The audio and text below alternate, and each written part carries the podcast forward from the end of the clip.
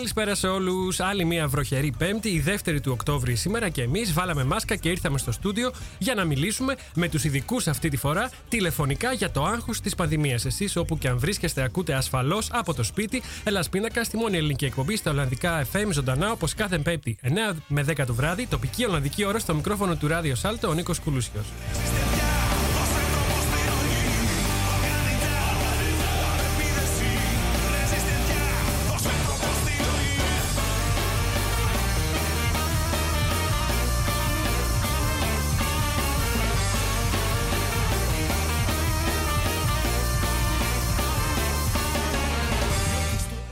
Εκπέμπουμε ζωντανά από το δημοτικό σταθμό του Άμστερνταμ. Θα μας βρείτε στο ράδιο Σάλτος 106,8 των FM και καλωδιακά στο κανάλι 103,3 μόνο στην περιοχή του Άμστερνταμ. Ενώ διαδικτυακά μας ακούτε παντού στον κόσμο από το ελάσπιντακά.com και σε αναμετάδοση από το agapigreekradio.com.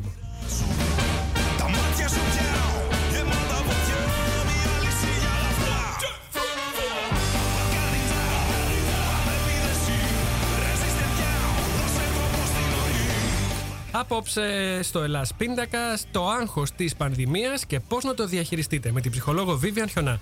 Σε οριακές στιγμές όπως αυτή της καραντίνας, η συμβουλευτική ψυχολογία είναι ένας από τους πιο ασφαλείς δρόμους πάνω στον οποίο μπορεί να βαδίσει ο καθένας μας για να καταφέρει να επεξεργαστεί τα θέματα που αντιμετωπίζει. Ιδιαίτερα για εμάς που ζούμε στο εξωτερικό, το θέμα αποκτά μεγαλύτερες προεκτάσεις. Η ψυχολόγος και ιδρύτρια του Expat Nest, Vivian Χιονά, μιλά απόψε στην εκπομπή για το πώς μπορούμε να παλέψουμε τις φοβίες μας και να προετοιμαστούμε για τη δεύτερη φάση της πανδημίας. Για να επικοινωνήσετε μαζί μας ζωντανά, μπείτε τώρα στη σελίδα του Ελλάς Πυρακάς στο Facebook και αποστάρετε το σχόλιο σας σε νέο post στη σελίδα μας εκεί ή γράψτε μας μέσω Twitter χρησιμοποιώντας το hashtag Hellas underscore COVID-19.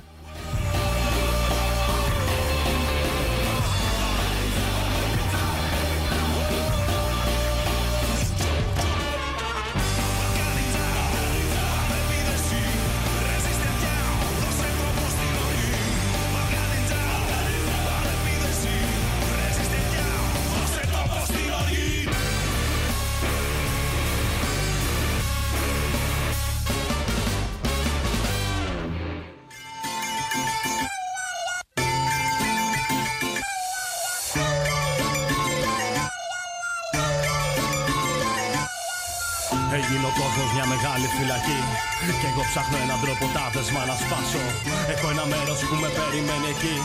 Σε μια πολύ ψηλή κορφή πρέπει να φτάσω. Γι' αυτά πλώνω ξανά πολύ ψηλά τα δυο μου χέρια. Για να κλέψω λίγο φως από τα λάμπερα αστέρια. Δεν αντέχω εδώ κάτω και κοντεύει να με πλήξει. Των ανθρώπων η μιζέρια τόσο όσο και θλίψη δεν αντέχω. Άλλο κι όλοι αυτοί δεν μου ταιριάξαν. Πήρα τ' άλλο μονοπάτι και όχι αυτό που μου χαράξαν. Ήταν δύσβατο σκληρό και με παγίδες πολλές. Αγάπες κάρτε και φίλοι, φαρμάκερες οχέ. Είχε τέρατα με παράξενες στολές που παραμονεύαν πάντοτε κρυφά μες στι σκιές. Μη κοντοσταθείς, αν πρόκειται να ακολουθήσεις. Τα δόντια σφίξε γερά και μη δακρύσεις. Εγώ το πήγα και το έφτασα στο τέρμα. Και όπως γράφουν στα βιβλία, οι παλιοί σοφοί όταν θα φτάσει ο ήλιος στο τελευταίο γέρμα. Θα βάλουνε φωτιά από ψηλά οι αετοί. Για σου με πρόδωσαν με πίσω μαχαιριές Θέλω να ξέρουν ότι Σιγά κάψου Και για αυτές τις αγάπες τις παλιές Θέλω να ξέρουν ότι Σιγά κάψου Κι όσοι μ' απειλήσαν με πυρηνάδες Μα θέλω να ξέρουν ότι Σιγά μη φοβηθώ Να έρθουνε να με βρουν στην κορυφή ψηλά τους περιμένω και Σιγά μη φοβηθώ Μου είπα να μην κάνω όνειρα τρελά να μην τολμήσω να κοιτάξω τα αστέρια. Μα εγώ ποτέ μου δεν τους πήρα σοβαρά Πήρα τον κόσμο ολοκληρώ στα δυο μου χέρια. Θέλουνε τώρα να μου φτιάξουν μια φοριά Που έχει πάνω της στο φόβο την ασχήμια Και ένα κλάμα γοερό και μια λυσίδα βαριά. Κουβαλάει την κατάρα των θεών και την πλαστήμια. Δεν θα δακρύσω μα δεν και θα φοβηθώ. Δεν θα αφήσω να μου κλέψουν τα όνειρά μου ελευθερά ψηλά. Πολύ ψηλά πετώ Κι όλοι ζηλεύουν τα περήφανα κι αδές με τα φτερά μου. Και περιμένω κι άλλα αδέρφια για να βγουν Σ' αυτή την κορυφή που όλους περιμένει αρκεί. Να μην δακρύσουν και να μην φοβηθούν Σ' αυτή την έξυπνη απάτη την καλωστημένη. Για σους με πρόδωσαν με πίσω μαχαιριές Θέλω να ξέρουν ότι Σιγά μη κάψουν. Και για αυτές τις αγάπες τις παλιές Θέλω να ξέρουν ότι Σιγά μη κάψουν. Κι όσοι μ' απειλήσαν με πυρηνάδες Μα θέλω να ξέρουν ότι Σιγά μη φοβηθώ Να έρθουνε να με βρουν στην κορυφή ψηλά τους περιμένω και Σιγά μη φοβηθώ Για σους με Let's start as always. Hi from Amsterdam to all our friends over at agapigreekradio.com. The Greek Radio based in Toronto. Την καλησπέρα μου στη Λεοντίν, στο Μάκη, στην Μπέννη, στη Μαριάννα την ανιψιά μου, στην Τίνα τη Ρούσου που μένει Αθήνα, επιμένει και δεν γυρνά ακόμα. Στη Γιώτα Μπαρόν, στην Ελένη, στη Δανάη, στο Στέφανο, στην Άννα Μαρία, στην Μαρίνα, στη Μαρία, στο Γιώργο Γιαδάκη, στο Γιώργο Τονίτζη, στην Ευανθία, στον Νίκο Χατζόγλου, στον Νίκο Ιωσήφ, στο Σωτήρι Μαρκόπουλο,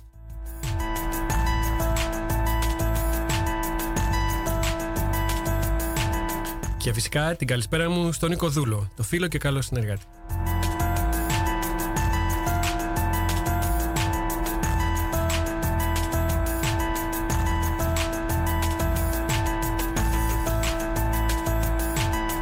Δύο κουβέντες πριν προχωρήσουμε για το θέμα που κυριάρχησε και δικαίως στις ειδήσει από την Ελλάδα.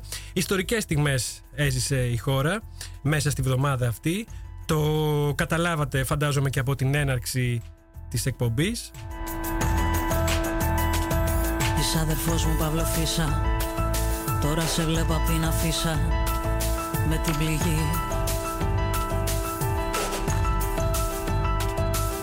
Η μνήμη που κρατάει μαχαίρι Οπλίζει τώρα κι άλλο χέρι Και καίει τη γη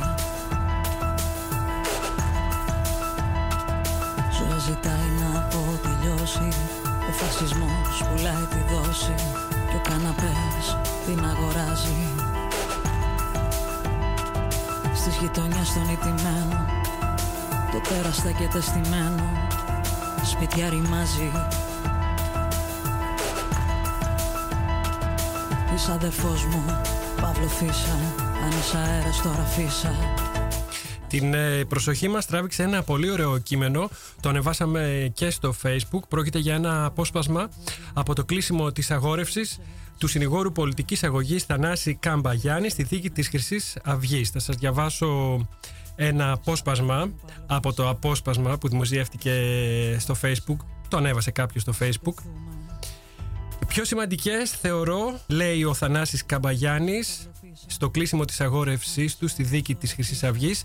Πιο σημαντικές θεωρώ ότι ήταν οι δύο φοιτήτριες, η Δήμητρα Ζόρζου και η Παρασκευή Καραγιανίδου, δύο νέες κοπέλες που βρέθηκαν τυχαία σε ένα παγκάκι να λένε τα δικά τους και κατέληξαν να γίνουν αυτόπτες μάρτυρες της σημαντικότερης πολιτικής δολοφονίας της γενιάς μας τουλάχιστον των τελευταίων δεκαετιών και δεν φοβήθηκαν να δώσουν το όνομά τους. Δεν ξέρουμε για εσάς, κύριε Πρόεδρε, αλλά για εμάς αυτές οι δύο νεαρές κοπέλες είναι ο λόγος που μπορούμε να κοιμόμαστε τα βράδια.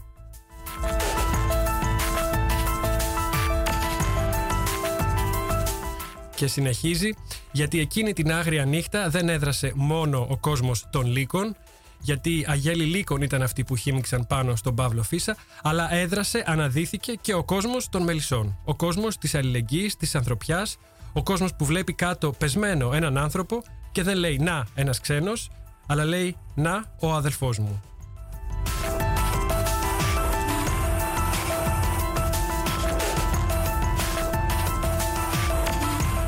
Μπείτε στο facebook να διαβάσετε ολόκληρο το κείμενο. Αν κάτι θέλω να προσθέσω για να κάνουμε και το πέρασμα στο θέμα της απόψινής εκπομπής είναι ότι η απόδοση δικαιοσύνης είναι και αυτό μια, δίνει και αυτό μια αίσθηση κανονικότητας. Λειτουργεί θεραπευτικά σε πολλά επίπεδα, σχεδόν λυτρωτικά.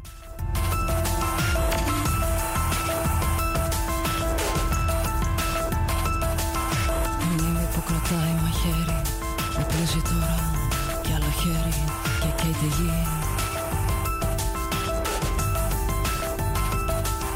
ζητάει να αποτελειώσει. Ο φασισμός πουλάει τη δόση. Και ο καναπές την αγοράζει. Είσαι αδερφός μας, Παύλο Φίσα. Αν είσαι αέρας, τώρα φύσα. Να σηκωθούμε. Να σηκωθούμε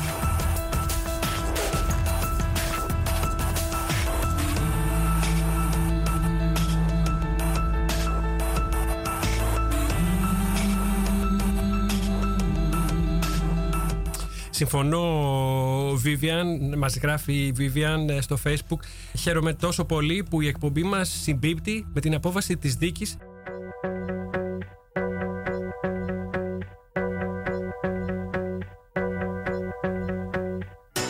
κομμάτι που ακούσαμε προηγουμένως ήταν γραμμένο για τον Παύλο Φίσα από τον Σταμάτη Κραουνάκη. Αυτό είναι γραμμένο από τον ίδιο τον Παύλο Φίσα. Να γελάς λέγεται.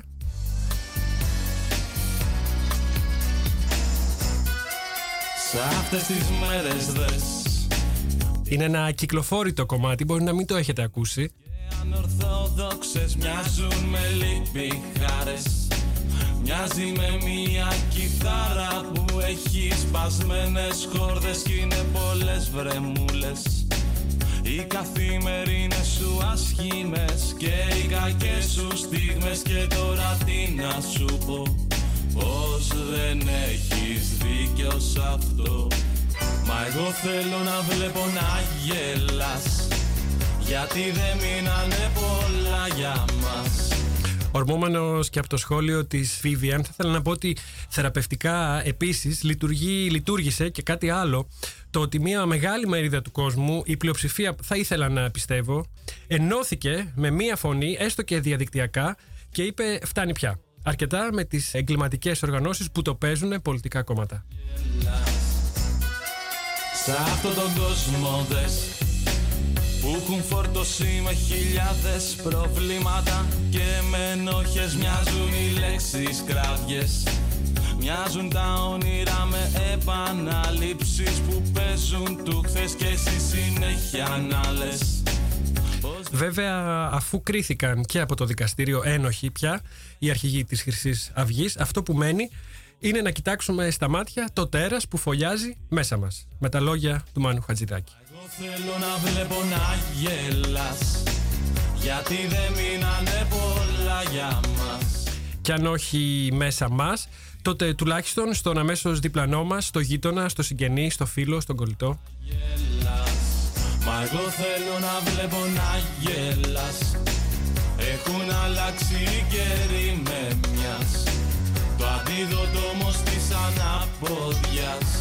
Είναι συνέχεια να γελάς Λοιπόν, ο χρόνος είναι αμήλικτος, όπως και τα γεγονότα φυσικά. Αλλά στο θέμα μας τώρα, τη Vivian Χιονά την γνωρίζετε, το Expat Nest το γνωρίζετε επίσης. Έχετε συμμετάσχει σε δράσεις του όσοι ζείτε στην Ολλανδία, είμαι σίγουρος. Το ότι η πανδημία καλά κρετεί το ξέρετε επίσης πάρα πολύ καλά και όπως φαίνεται δεν πρόκειται να ξεμπερδεύουμε πολύ σύντομα. Πάμε λοιπόν να ακούσουμε την απόψινή μας καλεσμένη. Έχει πολλά να μας πει και για τη δική της εμπειρία μέσα στην καραντίνα και για το πώς μπορούμε να διαχειριστούμε το άγχος που δημιουργεί αυτή η δύσκολη συνθήκη. Θα ακούσουμε τρία αποσπάσματα από τη συνομιλία που ηχογραφήσαμε με τη Vivian Χιονά. Πολύ θα θέλαμε να την έχουμε και στο στούντιο. Θα γίνει και αυτό. Προς το παρόν θα αρκεστούμε στο ότι η ασφάλεια προέχει. Vivian Χιονά, Expat Nest στο Ελλάς Πίνακας. Μέρος πρώτο. Γεια σου Βίβιαν, να ξεκινήσουμε από τα βασικά. Πες μου, πού σε βρίσκω αυτή τη στιγμή και πώς σε βρίσκω. Θέλω να πω από υγεία. Ναι, ε, καλά με βρίσκεις. Η αλήθεια με όλα αυτά που έχουμε περάσει, Νίκο, καταρχάς χαίρομαι τόσο πολύ που σου ξαναμιλάω και που ξαναείμαι στην εκπομπή σου και να χαιρετήσω και τους ακροατές μας. Πραγματικά, όταν επέστρεψε το Γελά 50 νιώθα μια αίσθηση κανονικότητας ξανά. Και το ξέρω όλα καλά. Η αλήθεια είναι ότι στην πρώτη φάση της πανδημίας όταν έγινε τέλος πάντων το μπαμ στην Ευρώπη, προφανώς και εγώ ανησύχησα αρκετά με όλα αυτά που γίνανε. Και η αλήθεια είναι δεν κατάλαβα, Νίκο, πώς περάσανε ε, οι εβδομάδες της πρώτης φάσης. Γιατί δούλευα πάρα πολύ. Επειδή με ρώτησες πώς πώς πέρασα αυτό το διάστημα. Ναι. Έγινε πραγματικά ένας χαμός από θέμα παραπομπών. Υπήρχε πολλοί κόσμος που είχε ανάγκη ψυχολογικής υποστήριξης. Και μπορώ να σου πω ότι δούλευα τόσο πολύ που πραγματικά δεν καταλάβαινα. Ήμουν όλη μέρα μέσα, δούλευα, ξεκουραζόμουν μετά για να μπορώ να έχω δυνάμει για την επόμενη μέρα. Αυτό σου έκανε καλό κατά μία έννοια. Ναι, αυτό την έννοια ότι βοηθούσα κόσμο, για μένα αυτό είναι το πολύ σημαντικό. Αλλά η αλήθεια είναι ότι κουράστηκα πάρα πολύ μες στην καραντίνα, γιατί δούλευα σε βαθμούς που δεν είχα ξαναδουλέψει ποτέ στη ζωή μου τόσο εντατικά. Αλλά ως επαγγελματίας υγείας ήξερα ότι αυτό είναι το καθήκον μου, αυτό έπρεπε να κάνω και επίσης σκεφτόμουν ότι η ψυχολογική προσαρμογή σε καταστάσεις σοκ χρειάζεται περίπου 4 με 5 εβδομάδες. Οπότε ήξερα ότι αυτό το πρώτο σοκ θα κρατήσει για περίπου αυτό το διάστημα και κρατούσα δυνάμεις και βοηθούσα όσο μπορώ κόσμος αυτό το διάστημα. Και επίσης σαν expat κάναμε και πολλές δράσεις. Δηλαδή κάναμε πολλά δωρεάν group call ομαδικά για να βοηθήσουμε όσο παραπάνω κόσμο μπορούσαμε σε όλες τις γλώσσες, δηλαδή και στα αγγλικά, στα ελληνικά, στα κινέζικα, στα αραβικά, στα ισπανικά, ιταλικά. Κάναμε δηλαδή συντονισμένη προσπάθεια να βοηθήσουμε. Πού μπορεί να σας βρει κάποιος ε, σε κάποια ανάλογη περίπτωση αν κάνετε τέτοια ωραία πράγματα και θέλει να συμμετέχει, πώς μπορεί να σας βρει; Ναι, μπορεί να το δει στο site του expatnet, expatnet.com ή και στα social media του expatnet, στο facebook, ε, στη σελίδα του expatnet ανακοινώνουμε πάντα τα νέα μας ή και στο LinkedIn, όπου θέλει μπορούμε να γίνουμε connected. Λοιπόν, να συνδεθούμε. Ωραία. Ωραία. Μου είπες, μου εκμυστηρεύτηκε ότι είχες και μια ε, ιδιαίτερη κατάσταση να διαχειριστείς, μια προσωπική εμπειρία δική σου, σε σχέση με μια προπάρχουσα μάλλον κατάσταση. Θες να μας μιλήσεις λίγο γι' αυτό, γιατί αν καταλαβαίνω είσαι σε καραντίνα διαρκείας. Προτιμούσες να μην έρθεις στο στούντιο, γι' αυτό και ηχογραφούμε την ε, συνέντευξη αυτή. Ναι, όχι, η αλήθεια είναι επειδή έχω άσθημα, προσπαθώ να αποφύγω τις πολλές συναντήσεις, γιατί αν κολλήσω, σίγουρα δεν θα το περάσω ομαλά. Οπότε κάνω τα πάντα και προσπαθώ. Βέβαια, η ζωή συνεχίζεται. Κάνω ό,τι μπορώ, αλλά δεν κάνω, ας πούμε, κάτι υπερβολικό όπως θα έκανε σε περίοδο μη πανδημία. Άρα και η καραντίνα για σένα ε, συνεχίζεται ως ένα βαθμό; Δεν ξέρω αν η λέξη καραντίνα είναι αυτή που τη χαρακτηρίζει. Απλά θα έλεγα πιο προσεκτικό τρόπο ζωής μέχρι να ηρεμήσουν λίγο τα πράγματα. Αυτό. Ποια ήταν η μεγαλύτερη αλλαγή στη δική σου ζωή που ήταν αποτέλεσμα της ε, καραντίνας; Ας μιλήσουμε για την αρχή, για τους πρώτους ε, μήνες. Λέω, στην αρχή Είχες δεν πολλή δουλειά. κάτι άλλο, πέρα από πάρα πολλή δουλειά. Οπότε δεν, δεν μπορούσε να γίνει, ξέρεις, να τον παλμό αυτόν που γινόταν έξω, αλλά δούλευα τόσο πολύ που δεν είχα ε, το περιθώριο, ας πούμε, να, να το δω διαφορετικά. Οπότε επειδή εγώ δούλευα πάντα και ως online counselor, δεν μου άλλαξε πούμε, το ρυθμό ότι θα έπρεπε να σταματήσω να δουλεύω ή ότι θα έπρεπε να αλλάξω περιβάλλον σε κάτι. Οπότε από αυτή την άποψη δεν μου άλλαξε τις συνθήκες όπως σε πάρα πολύ κόσμο. Θα έπρεπε να περνάνε πολύ περισσότερο χρόνο μέσα στο σπίτι ή υπήρχαν μεγάλα προβλήματα στη δουλειά τους ή ας πούμε ξαφνικά θα έπρεπε να είναι 24 ώρες 24 ώρες με την οικογένειά τους που αυτό μπορεί να έφερε και παραπάνω πίεση σε κάποιες περιπτώσεις ή είχαμε πολλά ερωτήματα για οικογένειες και εφήβους και την καραντίνα και όλα αυτά. Ας το γενικεύσουμε τότε λίγο. Τι συνιστούν οι ειδικοί όταν η καθημερινότητα του ανθρώπου αλλάζει τόσο ξαφνικά και ραγδαία; Μίλησες πριν για μια κατάσταση σοκ που διαρκεί, είπες, ε, τρεις με τέσσερις εβδομάδες. Ποιοι είναι οι γενικοί κανόνες; Και μετά θα πάμε και στα επιμέρους. Ναι, πρώτα απ' όλα ότι σε αυτό το διάστημα των 4-5 εβδομάδων που οι περισσότεροι θα το έχουμε περάσει με την έννοια ότι έχει γίνει αυτή η πρώτη ψυχολογική προσαρμογή. Βέβαια τώρα βλέπω αυτό το διάστημα ότι πολλοί κόσμος αρχίζει και πιέζεται ξανά ε, ότι έρχεται χειμώνας, ότι θα κλειστούμε πάλι μέσα, ότι δεν θα μπορούμε να έχουμε τον ίδιο τρόπο ζωής όπως είχαμε πριν. Νομίζω είναι σημαντικό σε αυτή την περίοδο ο καθένας να σκέφτεται ότι πρώτα απ' όλα όλα τα συναισθήματα είναι φυσιολογικά αρκεί να μην μένουμε σε μια συγκεκριμένη συναισθηματική κατάσταση. Δηλαδή να θυμόμαστε ότι αυτό αλλάζει, ότι θα περάσει. Επίσης, είναι πολύ σημαντικό να μπορούμε να εστιάζουμε σε αυτά που μπορούμε να ελέγξουμε. Ε, γιατί ζούμε σε μια κατάσταση που είναι πρωτόγνωρη για όλους μας. Και είναι και κοινή εμπειρία για όλους μας. Σε αυτή λοιπόν τη συνθήκη είναι πολύ σημαντικό να δούμε, ωραία, τι μπορώ να ελέγξω και τι δεν μπορώ να ελέγξω. Γιατί μεγάλο κομμάτι σε όλο αυτό που μας συμβαίνει δεν μπορούμε να το ελέγξουμε. Μπορούμε να ελέγξουμε όμως τι γίνεται ας πούμε, μέσα στο σπίτι μας, πώς αντιδρούμε ψυχολογικά σε κάποια πράγματα, τι αλλαγές μπορούμε να κάνουμε για να αισθάνομαστε καλύτερα. Κάτι σε πρακτικό επίπεδο. Είναι σημαντικό νομίζω ο καθένας μας, και ειδικά για τους expats, να, να ξέρουν πολύ καλά πώς να κινηθούν και στο σύστημα υγείας στη χώρα που μένει ο καθένας. Εμείς, ας πούμε, εδώ στην Ολλανδία. Το λέω γιατί αυτό έχει φέρει και πολλά ερωτήματα και παραπάνω άγχος και πάρα πολλοί έξω ότι δεν νιώθουν άνετα να, κάτι να πάθουμε σε ένα σύστημα υγείας που δεν το καταλαβαίνουμε πλήρως. Οπότε, καλό θα είναι κάποιες πληροφορίες να τι πάρουμε ακόμα και αν δεν τις χρειαστούμε. αλλά όταν τις χρειαστούμε να ξέρουμε πώς θα κινηθούμε, χωρίς πανικό. Πολύ σημαντικά όλα αυτά. Κάτι που δεν μπορούμε να ελέγξουμε είναι το πρωτόγνωρο του όλου θέματος. Κάτι που μπορούμε να ελέγξουμε είναι το πρακτικό κομμάτι της καθημερινότητας. Πολλοί αγχώθηκαν όχι τόσο με τη συνθήκη, αλλά με το τι μέλη γενέστε. Δηλαδή με το πώς θα βαδίσει ο κόσμος μετά την καραντίνα για το πού θα καταλήξει αυτή η αλλαγή της κανονικότητας. Γιατί τα πιθανά αποτελέσματα μιας παρατεταμένης πανδημίας, ακόμα και αν είναι ασαφή ή διαφανή, αποτελούν μια μεγάλη πηγή άγχους για πολλούς. Βέβαια. Και φέρνει και πολλά ερωτήματα και για το τι το έχει πυροδοτήσει όλο αυτό, για το τι μέλη γενέστε, όπως είπες και εσύ. Σίγουρα δεν θα είναι τα πράγματα ίδια όπως πριν. Και σίγουρα, νομίζω, γενικά η ανθρωπότητα θα θέλει ένα χρόνο προσαρμογής σε όλα αυτά τα δεδομένα και σε αυτά που θα φέρει και δεν ξέρει και κανένας μας ακριβώς τι. Οπότε, από ψυχολογική άποψη, νομίζω το πιο σημαντικό είναι ο καθένας μας να, να μπορέσει, ας πούμε, κάπως ε, να αγκαλιάσει αυτή την ανασφάλεια, ότι ό,τι και να έρθει, εμπιστεύομαι ότι θα μπορέσω να τα καταφέρω και να πάω παρακάτω. Τώρα, τις κοινωνικές προεκτάσεις όλου αυτού είναι ναι, μια μεγάλη κουβέντα και είναι ένα κοινωνικό φαινόμενο μέσα σε όλα τα άλλα. Η, η πανδημία αυτή που βιώνουμε, σίγουρα. Αλλά μετά είναι και σημαντικό για ο καθένας να δει τι αλλαγές φέρνει και στο δικό του προσωπικό επίπεδο και πώς μπορεί να ανταποκριθεί ω το δυνατόν καλύτερα μέσα σε όλο αυτό.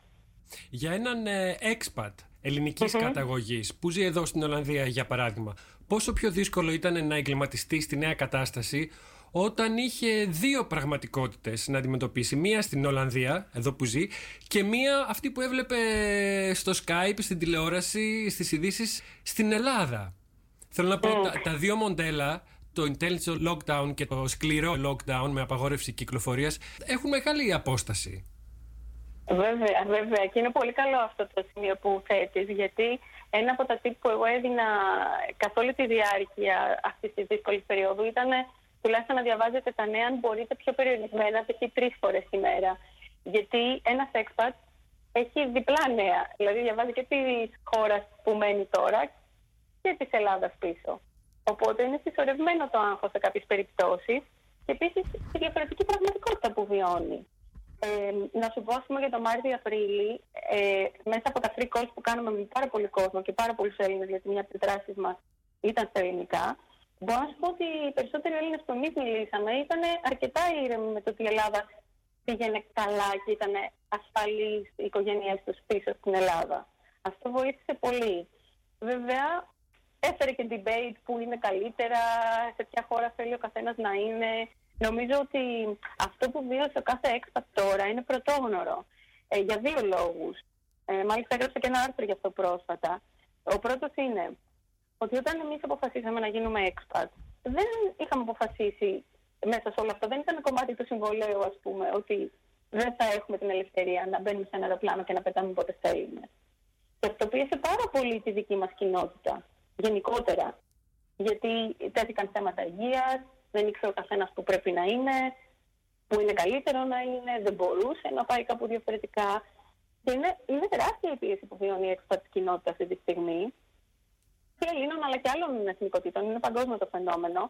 Και το δεύτερο που έφερε και μεγάλη πίεση, νομίζω, είναι αυτός ο όρος του social distancing, της κοινωνικής αποστασιοποίησης, η οποία θεωρώ ότι έκανε μεγάλο κακό, γιατί επί της ουσίας μιλάμε για μια φυσική απόσταση, αποστασιοποίηση. Αλλά όχι κοινωνική. Θεωρώ ότι αυτή τη στιγμή περισσότερο από ποτέ είναι η στιγμή που χρειάζεται να νιώθουμε ενωμένοι ένας με τον άλλον.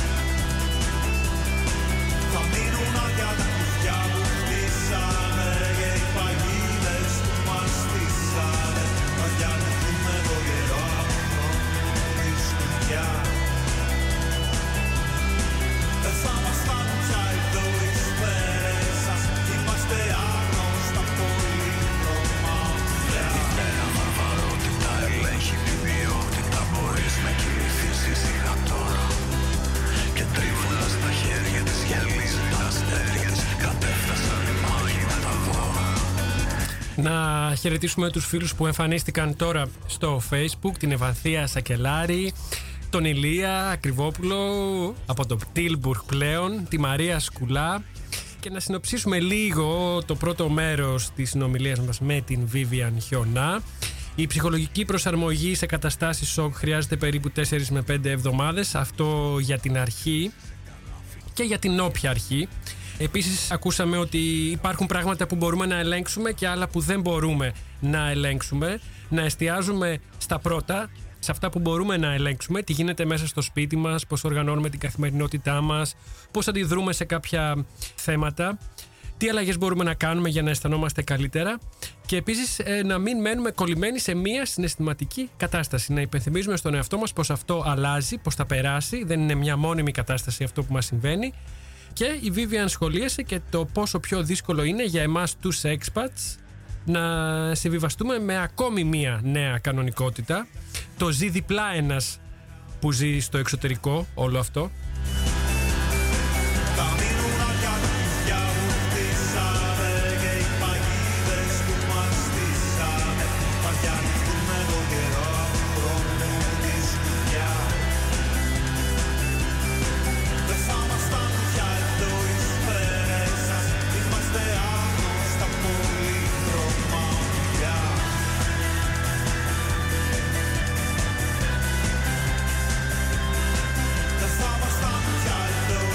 Ακούμε νέα βαρβαρότητα από τον ε, Παύλο Παυλίδη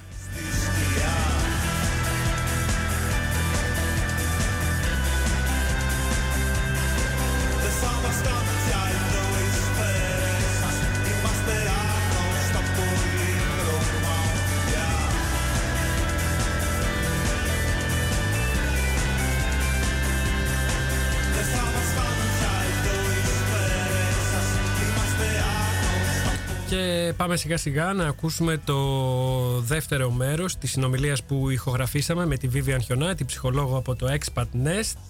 Η εναντίωση στη χρήση μάσκας, πού οφείλεται, αν το δούμε έτσι και λίγο ψυχαναλυτικά; Ποιο είναι το υπόβαθρο μιας τέτοιας αντίδρασης; Τώρα, κοιτάξτε, επειδή είναι μια μεγάλη κουβέντα και επίσης μπορεί να έχει πάρα πολλές ερμηνείες, γιατί κάθε άνθρωπος πράττει ανάλογα με το δικό του σύστημα φιλοσοφικό αντίληψης, ε, πεπιθήσεων για την κοινωνία θα μπορούν να δοθούν πολλές ερμηνείες. Α πούμε, π.χ.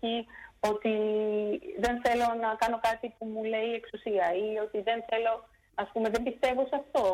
Υπάρχουν πάρα πολλές ερμηνείες. Εμένα μου έχει τύχει να μιλήσω και με κόσμο που πιστεύει ότι δεν υπάρχει ο κορονοϊός, ας πούμε. Ναι. Εμένα προσωπικά μου φαίνεται δύσκολη θέση αυτή η θεώρηση, γιατί εγώ έχω υποστηρίξει μέσα σε αυτή τη διάρκεια της πανδημίας και πολύ κόσμο που έχει χάσει αγαπημένους συγγενείς και φίλους από κορονοϊό είναι πολύ δύσκολο να βιώνεις αυτό το πένθος μέσα στου πελάτες, γιατί το βιώνουμε και εμείς μαζί του προσπαθώντας να τους βοηθήσουμε. Και μετά, ας πούμε, να υπάρχει κάποιος κόσμος που λέει Μα δεν πιστεύω ότι υπάρχει οτιδήποτε. Εντάξει, νομίζω πως δεν είναι θέμα προσωπικής γνώμης, αλλά είναι και θέμα δημόσιας υγείας από ένα σημείο και μετά. Ο καθένας φυσικά πράττει όπως νομίζει, αλλά είναι και ένα θέμα δημόσιας υγείας. Υπήρξαν συγκεχημένες πληροφορίες, ας πούμε, για τη μάσκα. Μας είπαν στην αρχή ότι ε, δεν είναι απαραίτητη, μετά μας είπαν ότι είναι απολύτως απαραίτητη. Εδώ στην Ολλανδία, ενώ λένε ότι πρέπει να φοράμε στα καφέ και στα μπαρ και στα εστιατόρια που βλέπω, δεν φοράει κανείς, ούτε καν οι σερβιτόροι.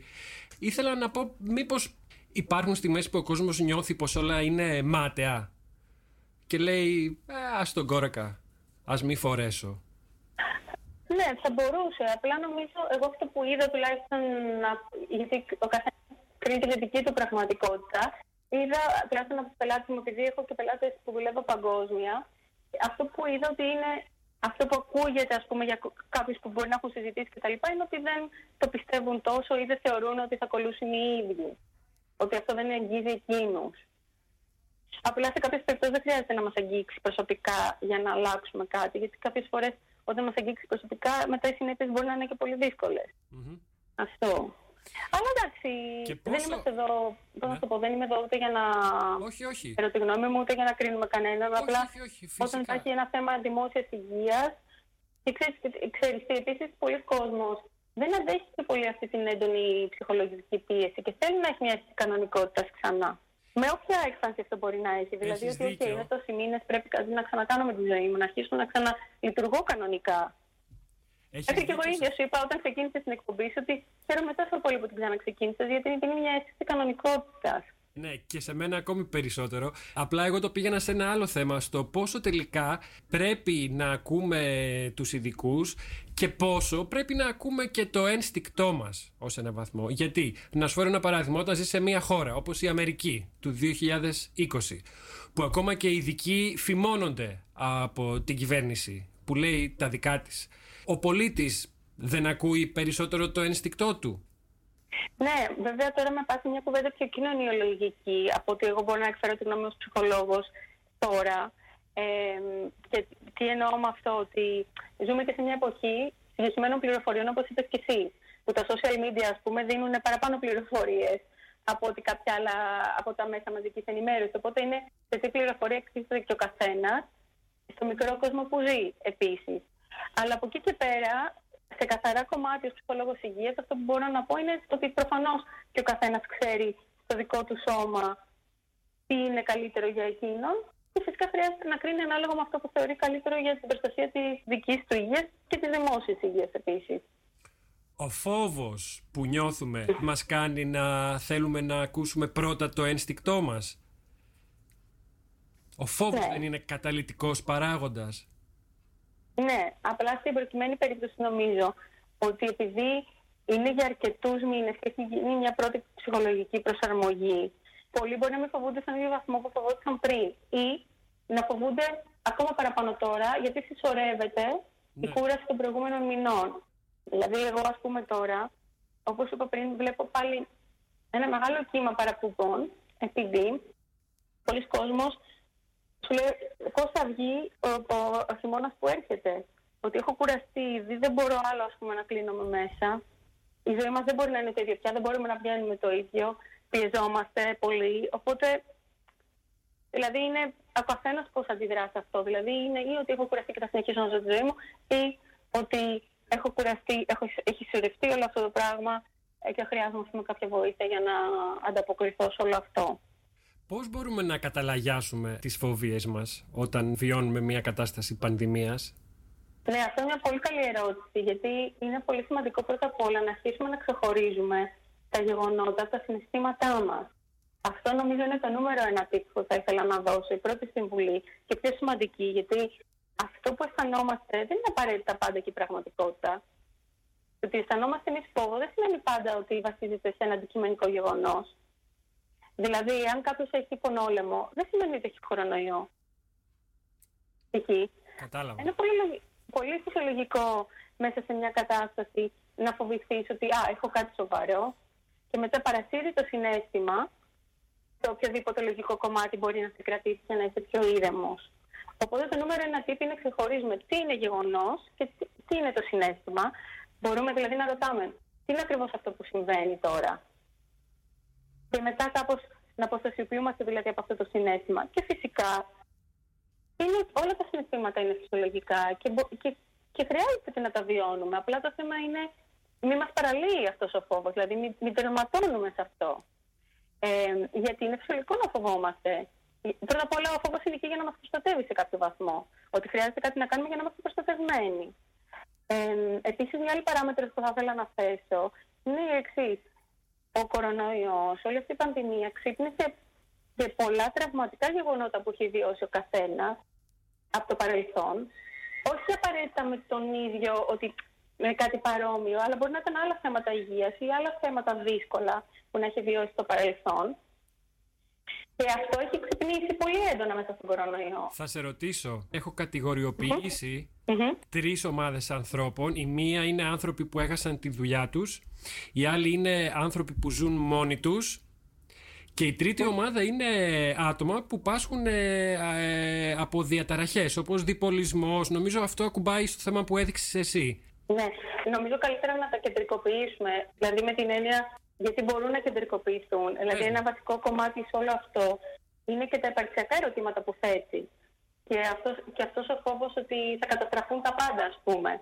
Ένα μεγάλο κομμάτι π.χ. σε αυτό είναι να βλέπει ο καθένας ότι υπάρχει προοπτική. Ότι και αυτό θα περάσει. Ότι πιστεύω με τον εαυτό μου ότι μπορώ να τα καταφέρω και να βγω από αυτό. Αυτό είναι πολύ σημαντικό κομμάτι της εμπιστοσύνης στον εαυτό. ή της αναζήτησης βοήθειας, όταν βλέπουμε ότι αντιμετωπίζουμε ένα πρόβλημα το οποίο πια δεν μπορούμε να ξεπεράσουμε μόνοι μας. Ε, αυτό είναι ένα πολύ βασικό κομμάτι.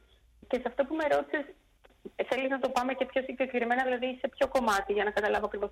Να μιλήσουμε για αυτούς που ζουν μόνοι τους. Πέρασαν δύσκολα στην πρώτη φάση του εγκλισμού. Πώς αντέχεται η μοναξιά εν καιρό πανδημίας, Έκανες βέβαια αναφορές.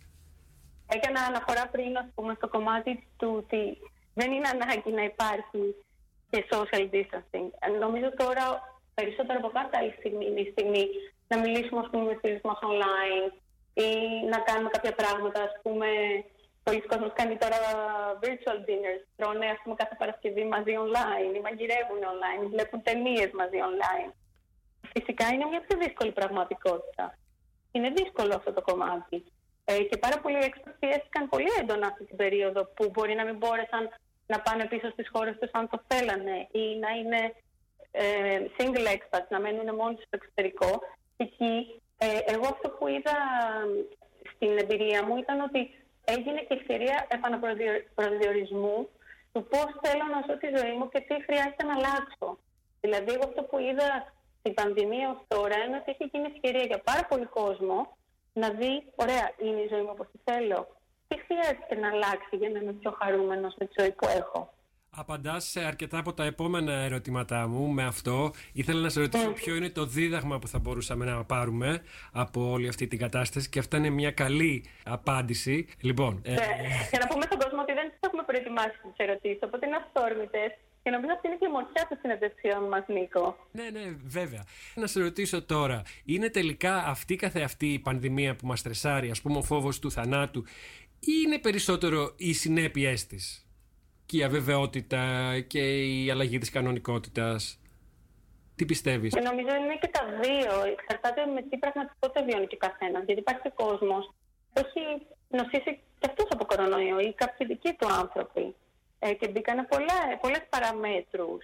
Δηλαδή, ας πούμε, ξέρω κόσμος που έχει ε, μπει σε μια κατάσταση, σε κατάσταση πολλών χρεών, δανείων κτλ. για θέματα υγείας που είχαν συγγενείς τους λόγω του κορονοϊού. Γιατί έχει πάρα πολλές παρενέργειες επίσης σε πάρα πολλοί κόσμο με διαφορετικές εκφάνσεις. Ε, οπότε ένα κομμάτι σίγουρα είναι αυτό, το, αυτό καθεαυτό για τον κορονοϊό ή το φόβο μην αρρωστήσουμε. Και φυσικά μετά έχει και όλο αυτό που φέρνει μαζί σε επίπεδο εργασιακό, σε επίπεδο σχεσιακό. Α πούμε, πολλοί κόσμοι ζήσε πολύ μεγάλη ένταση με τις σχέσεις τους μέσα στον κορονοϊό. Διάβαζα, ας πούμε, ε, σε μια έρευνα ότι στη Γιουχάν, από εκεί που ξεκίνησε ε, το όλο πρόβλημα, ότι μετά την πρώτη, το πρώτο lockdown αυξήθηκαν τα ποσοστά διαζυγίων. Και γενικότερα ήταν ένα μεγάλο θέμα. Δηλαδή, μέσα στην περίοδο της πρώτης φάσης, εγώ έδωσα και πολλέ συνεντεύξει και οι περισσότεροι με ρωτούσαν στο κομμάτι των σχέσεων. Γιατί έχουν επηρεαστεί, είχαν επηρεαστεί πολλοί σχέσεις συντρόφων, αλλά και σχέσεις γονιών παιδιών. Ή επίσης ένα άλλο κομμάτι μεγάλο ήταν πώς βοηθάμε την οικογένειά μας από απόσταση για αυτούς που δεν μπορούσαν π.χ. να πάνε Ελλάδα. Τα λέω για να δει, ναι. να δεις και συνολικά και ο κόσμος που μας ακούει το πόσες προεκτάσεις μπορεί να έχει όλο αυτό. Και όπως είπες και εσύ, και τι παρενέργειες και τι συνέπειες μπορεί να έχει όλο αυτό. Οπότε ο καθένας, επειδή έχει δική του πραγματικότητα, νομίζω από αυτή τη συνέντευξη είναι σημαντικό να κρατήσει ποιο είναι αυτό που κάνει νόημα στη δική του πραγματικότητα, πώς μπορεί μετά να αλλάξει την προοπτική σε αυτό που βιώνει και να αρχίσει να πιστεύει πρώτα απ' όλα ότι αυτό θα περάσει και να το χρησιμοποιήσει σαν μια ευκαιρία αναπροσδιορισμού για κάτι καλύτερο για τη ζωή του. Γιατί και αυτό θα περάσει. Όπως παίρνουν όλα στη ζωή μας. Απλά θέλει υπομονή, γιατί δεν πρόκειται να περάσει αύριο.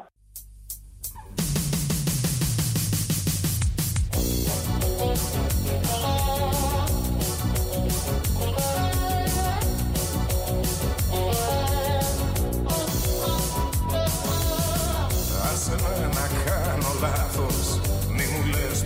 πως συντροπή Άσε με να δω μονάχος Ποιο το τέλος, ποια η αρχή. Άσε με μονάχο μου να νιώσω. Την ουσία μέσα σε όλα που έχεις πει. Αναπήρηση μου φέρεις Θα θυμώσω και το ξέρεις. Αν με χάσεις σε τι θα εσύ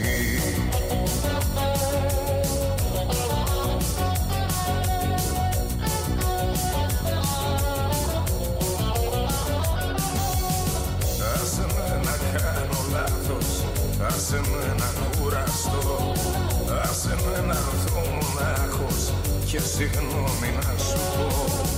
Έχω πολύ καιρό να κοροϊδεύω. Κάθε λέξη, κάθε έννοια και σκοπό. Έχω όρεξη πολύ να αλητεύω Κι ας μην ξέρω γιατί ψάχνω ή τι θα βρω.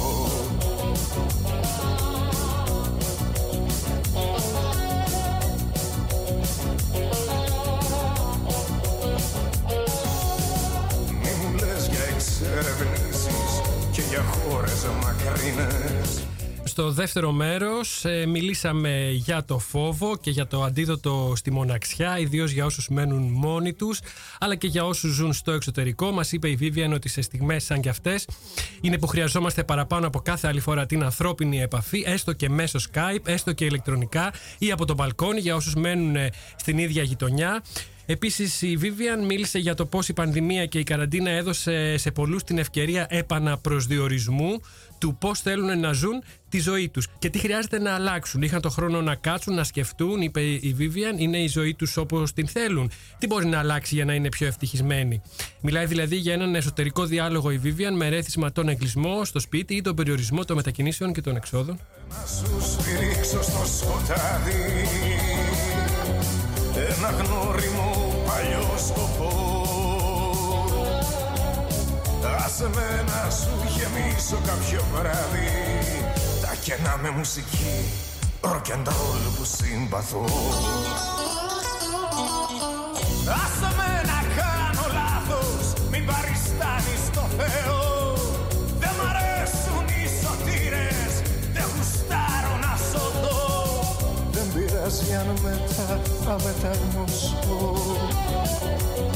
Δεν τρέχει τίποτα αν διπλά θα κουραστώ. Δεν με νοιάζει απαγοήτευση αν νιώσω. Αφού ξέρω πως έπαιξα κι εγώ.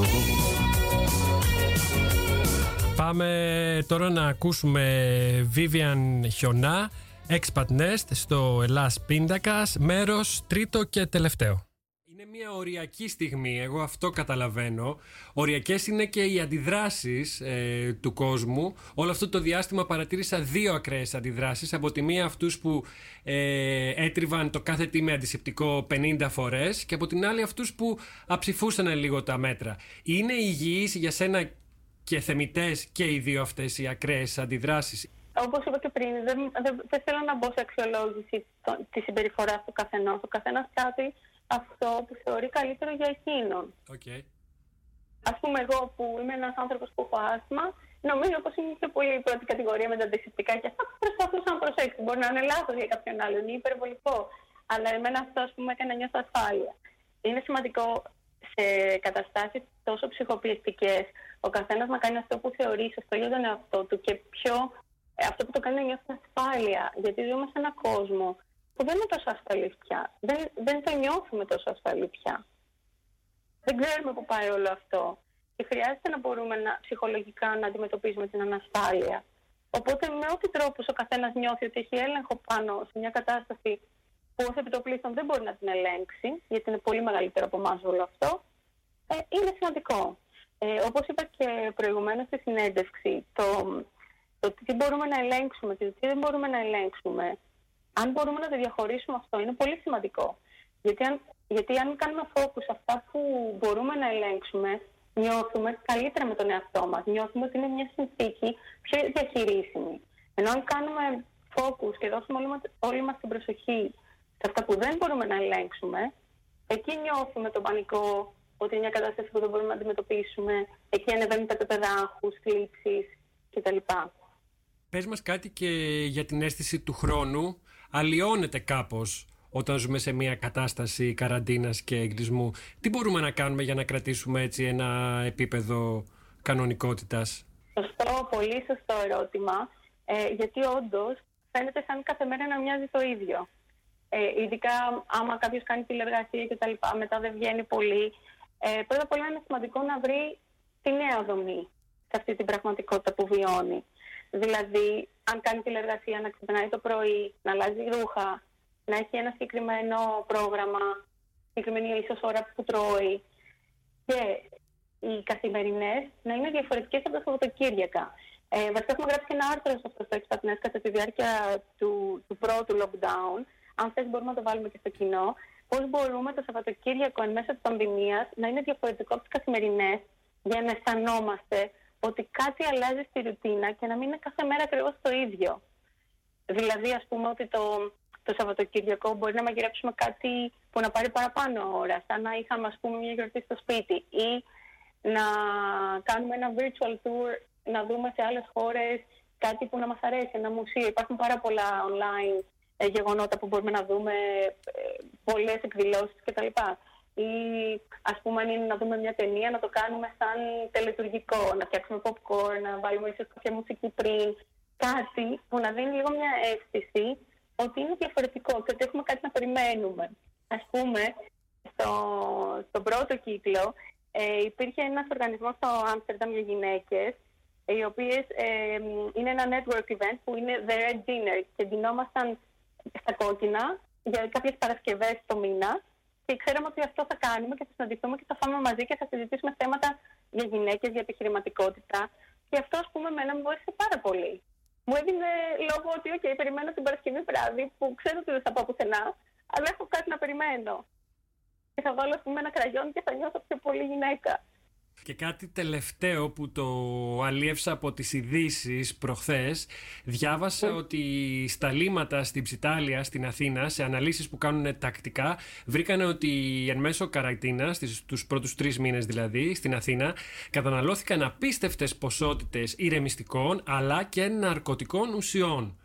Κοκαίνη και αμφεταμίνες ως επιτοπλίστων βρέθηκαν στα βιολογικά απόβλητα των Αθηναίων ε, ήθελα να σε ρωτήσω, είναι λάδι στη φωτιά οι ουσίες ή είναι απλά απόπειρες αυτοίασης χωρίς αποτέλεσμα; Ω ψυχολόγος, έχω μάθει πάντα να έχω κριτική σκέψη απέναντι σε αυτό που διαβάζω με την έννοια ότι πώς έγινε μια μέτρηση. Αλλά αυτό που ήθελα να πω είναι ότι στη ψυχολογία πάντα υπάρχουν οι υγιείς στρατηγικές αντιμετώπισης των, των δύσκολων συναισθημάτων και οι μη υγιείς ε, στρατηγικές αντιμετώπισης. Και οι δύο είναι στρατηγικές αντιμετώπισης το αλκοόλ, τα ναρκωτικά μπαίνουν στη διαδικασία των μη υγιών στρατηγικών αντιμετώπισης των αρνητικών συναισθημάτων με τη λογική του ότι θέλουν να καταλαγιάζουν τα συναισθήματα.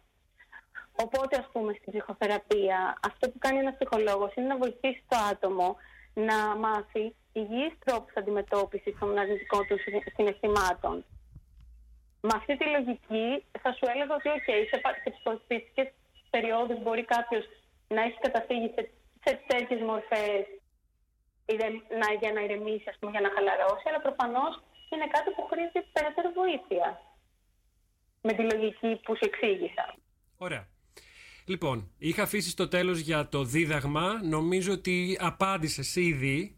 Δεν ξέρω αν ήθελες να συμπληρώσεις κάτι. Ποιο είναι το μεγαλύτερο δίδαγμα από όλη αυτή τη διαδικασία. Είπες αρκετά. Ναι, νομίζω πως είναι όλα αυτά που είπα ναι. και κυρίως θα ήθελα να περάσω το μήνυμα σε όσους μας ακούν ότι θα περάσει και αυτό. Ε, να δει ο καθένας τι είναι καλύτερο για τον εαυτό του για να το αντιμετωπίσει. Αν χρειάζεται να ζητήσει βοήθεια να το κάνει, ζούμε μια πολύ ιδιαίτερη συνθήκη.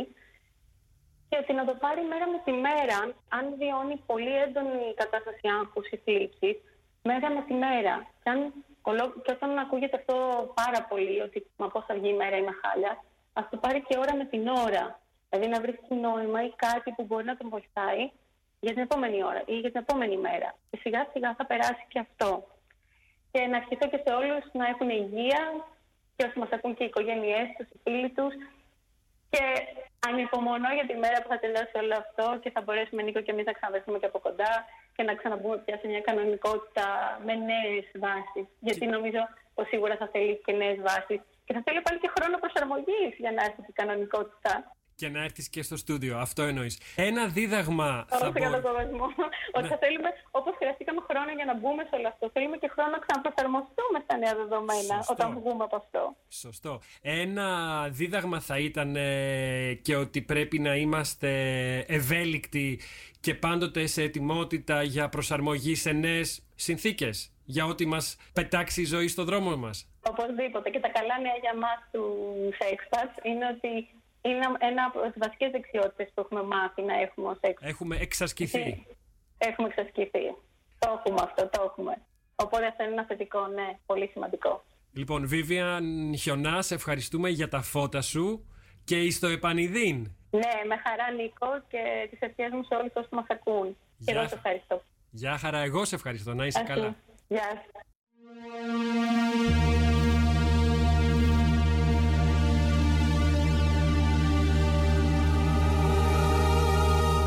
Αυτό ήταν, φτάσαμε στο τέλος. Μιλήσαμε φυσικά στο τρίτο αυτό μέρος για την αίσθηση του χρόνου. Η Vivian μας συμβουλεύει να βρούμε τη νέα δομή στη νέα αυτή πραγματικότητα που βιώνουμε για να μην χάνουμε την αίσθηση του χρόνου. Μας συνιστά να βάλουμε ένα πρόγραμμα, να έχουμε ένα αριθμό στην κανονικότητά μας, στην καθημερινότητά μας και να κάνουμε τα Σαββατοκύριακά μας να είναι διαφορετικά από τις καθημερινές, να ξεχωρίζουν δηλαδή. Τέλος, το θέμα που της έδεσα σχετικά με την είδηση ότι ο κόσμος στην καραντίνα έδειξαν οι έρευνες ότι κατανάλωσε μεγάλες ποσότητες ηρεμιστικών και ουσιών. Η Vivian μας συμβούλευσε να προτιμούμε τις υγιείς στρατηγικές αντιμετώπισης των δύσκολων των αρνητικών συναισθημάτων και μας προέτρεψε να παίρνουμε τη δύσκολη κατάσταση μέρα με τη μέρα, one day at a time, που λένε και οι Εγγλέζοι, να ζητάμε βοήθεια και υποστήριξη από ειδικούς πριν φτάσουμε στο αμήν και ώρα με την ώρα αν χρειαστεί να παίρνουμε τις καταστάσεις.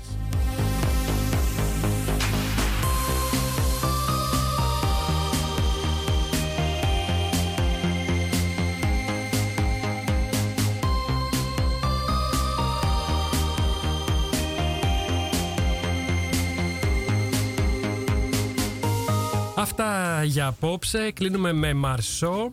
Στο site του Expat, expatnest.com, θα βρείτε πολλές χρήσιμες πληροφορίες. Θα αναρτήσουμε και εμείς στο site μας όλα όσα συζητήσαμε στη συνέντευξη με την Vivian. Ακολουθεί η εκπομπή Finger Popping Soul εδώ στο Radio Salto.